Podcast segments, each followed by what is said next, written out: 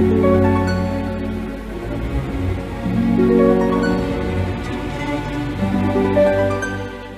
Gemini, saya dengan Madam Aza. Kita bacakan sekarang kartu tarotnya. Yang pertama untuk karir, bisnis, ataupun peruntungan finansial Gemini. Kartu yang keluar adalah Universe. Sorry, kebalik.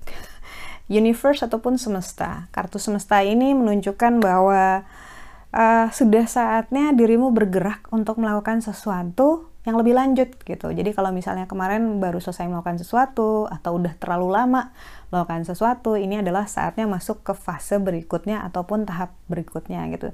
Jangan terlalu nyaman berada dalam situasi yang saat ini. Loh, madam kok nyaman nggak boleh sih? Oh boleh-boleh aja. Tapi kalau terlalu nyaman, khawatirnya kamu nggak berkembang padahal kamu punya potensi yang bagus banget gitu ya.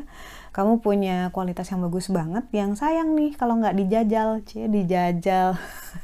Jadi fokus ke diri kamu sendiri dengan hal-hal yang ingin kamu lakukan. Mungkin uh, dilihat dulu rencana kamu dalam jangka waktu pendek apa, dalam jangka waktu sedang apa gitu ya, dalam jangka waktu panjang apa gitu, hal-hal apa yang bisa kamu tambahkan, hal-hal apa yang bisa kamu upayakan dari sekarang gitu. Karena sayang banget kartu universe ini ibaratnya nunjukin continuity ataupun keberlangsungan. Kalau ada sesuatu yang bisa dikerjakan, dikerjakan, jangan ditunda-tunda. Lalu untuk percintaannya Gemini, kartu yang keluar adalah The Devil ataupun energi negatif gitu ya. eh, kadang-kadang ya kita nggak nyari gara-gara, tapi The Devil ini datang sendiri. Entah itu mantan yang tiba-tiba ngabarin, entah pasangan kita uh, kontak lagi sama orang di masa lalu yang kita tahu tertarik sama dia gitu ya hal-hal semacam itu tapi yang perlu kita ingat adalah pengendalian diri bahwa kita harus bisa mengendalikan diri untuk tahu mana yang bagus buat kita dan mana yang nggak bagus buat kita. Begitu juga dengan pasangan. Kita nggak bisa memaksa pasangan untuk menjadi seseorang yang bukan dirinya.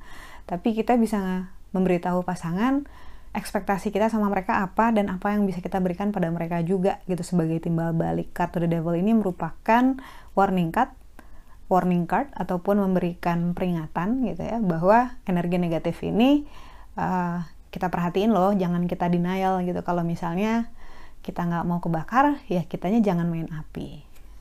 Lalu kartu nasihat yang diberikan untuk Gemini adalah the tower ataupun menara tinggi di sambar petir. Kadang agak susah buat kita accept kartu the tower yang merupakan representasi dari ego. Ketika ego terlalu tinggi, biasanya Tuhan mengirimkan masalah, uh, hal-hal yang nggak sesuai dengan harapan kita dengan tujuan untuk menghancurkan ego kita agar kita bisa ngelihatnya nggak usah ketinggian gitu. Kalau kita ngelihat dari tempat yang terlalu tinggi, sering kali yang kita lihat itu adalah bukan realitanya. Karena itu, kartu The Tower ini ibaratnya bilang bahwa uh, ubah masalah ataupun musibah jadi celah untuk memperbaiki diri sendiri dan mendapatkan apa pun yang terbaik dari hal tersebut gitu ya. Ibaratnya selalu ada hikmah kesannya memang klise gitu. Tapi kalau nggak kita yang memperbaiki diri kita sendiri mengubah sudut uh, pandang kita sendiri memperkaya diri kita sendiri dengan pemahaman dan kebijaksanaan baru gitu siapa lagi? Karena hidup ini kan sekadar pelajaran ya. Dan pada saat kartu nasihat The Tower keluar ini nunjukin bahwa kita lagi dapat pelajaran tentang ego diri sendiri. Nggak semuanya bisa berjalan sesuai dengan keina dengan keinginan kita tapi kita harusnya bertanya sebenarnya Tuhan mau ngomong apa sih lewat hal yang terjadi dalam hidup saya ini? Ada pelajaran apa sih? Gitu yang bisa bikin saya lebih baik lebih pintar lebih dari sekarang. Sekian bacaannya, semoga bermanfaat. Kita doakan yang terbaik saja untukmu. Semoga sehat selalu, Panjang umur, kaya raya, bahagia, berkelimpahan segala hal yang baik dari Tuhan Yang Maha Esa. Terima kasih bantu saya dengan cara di klik, klik like-nya, subscribe, share, dan juga komen.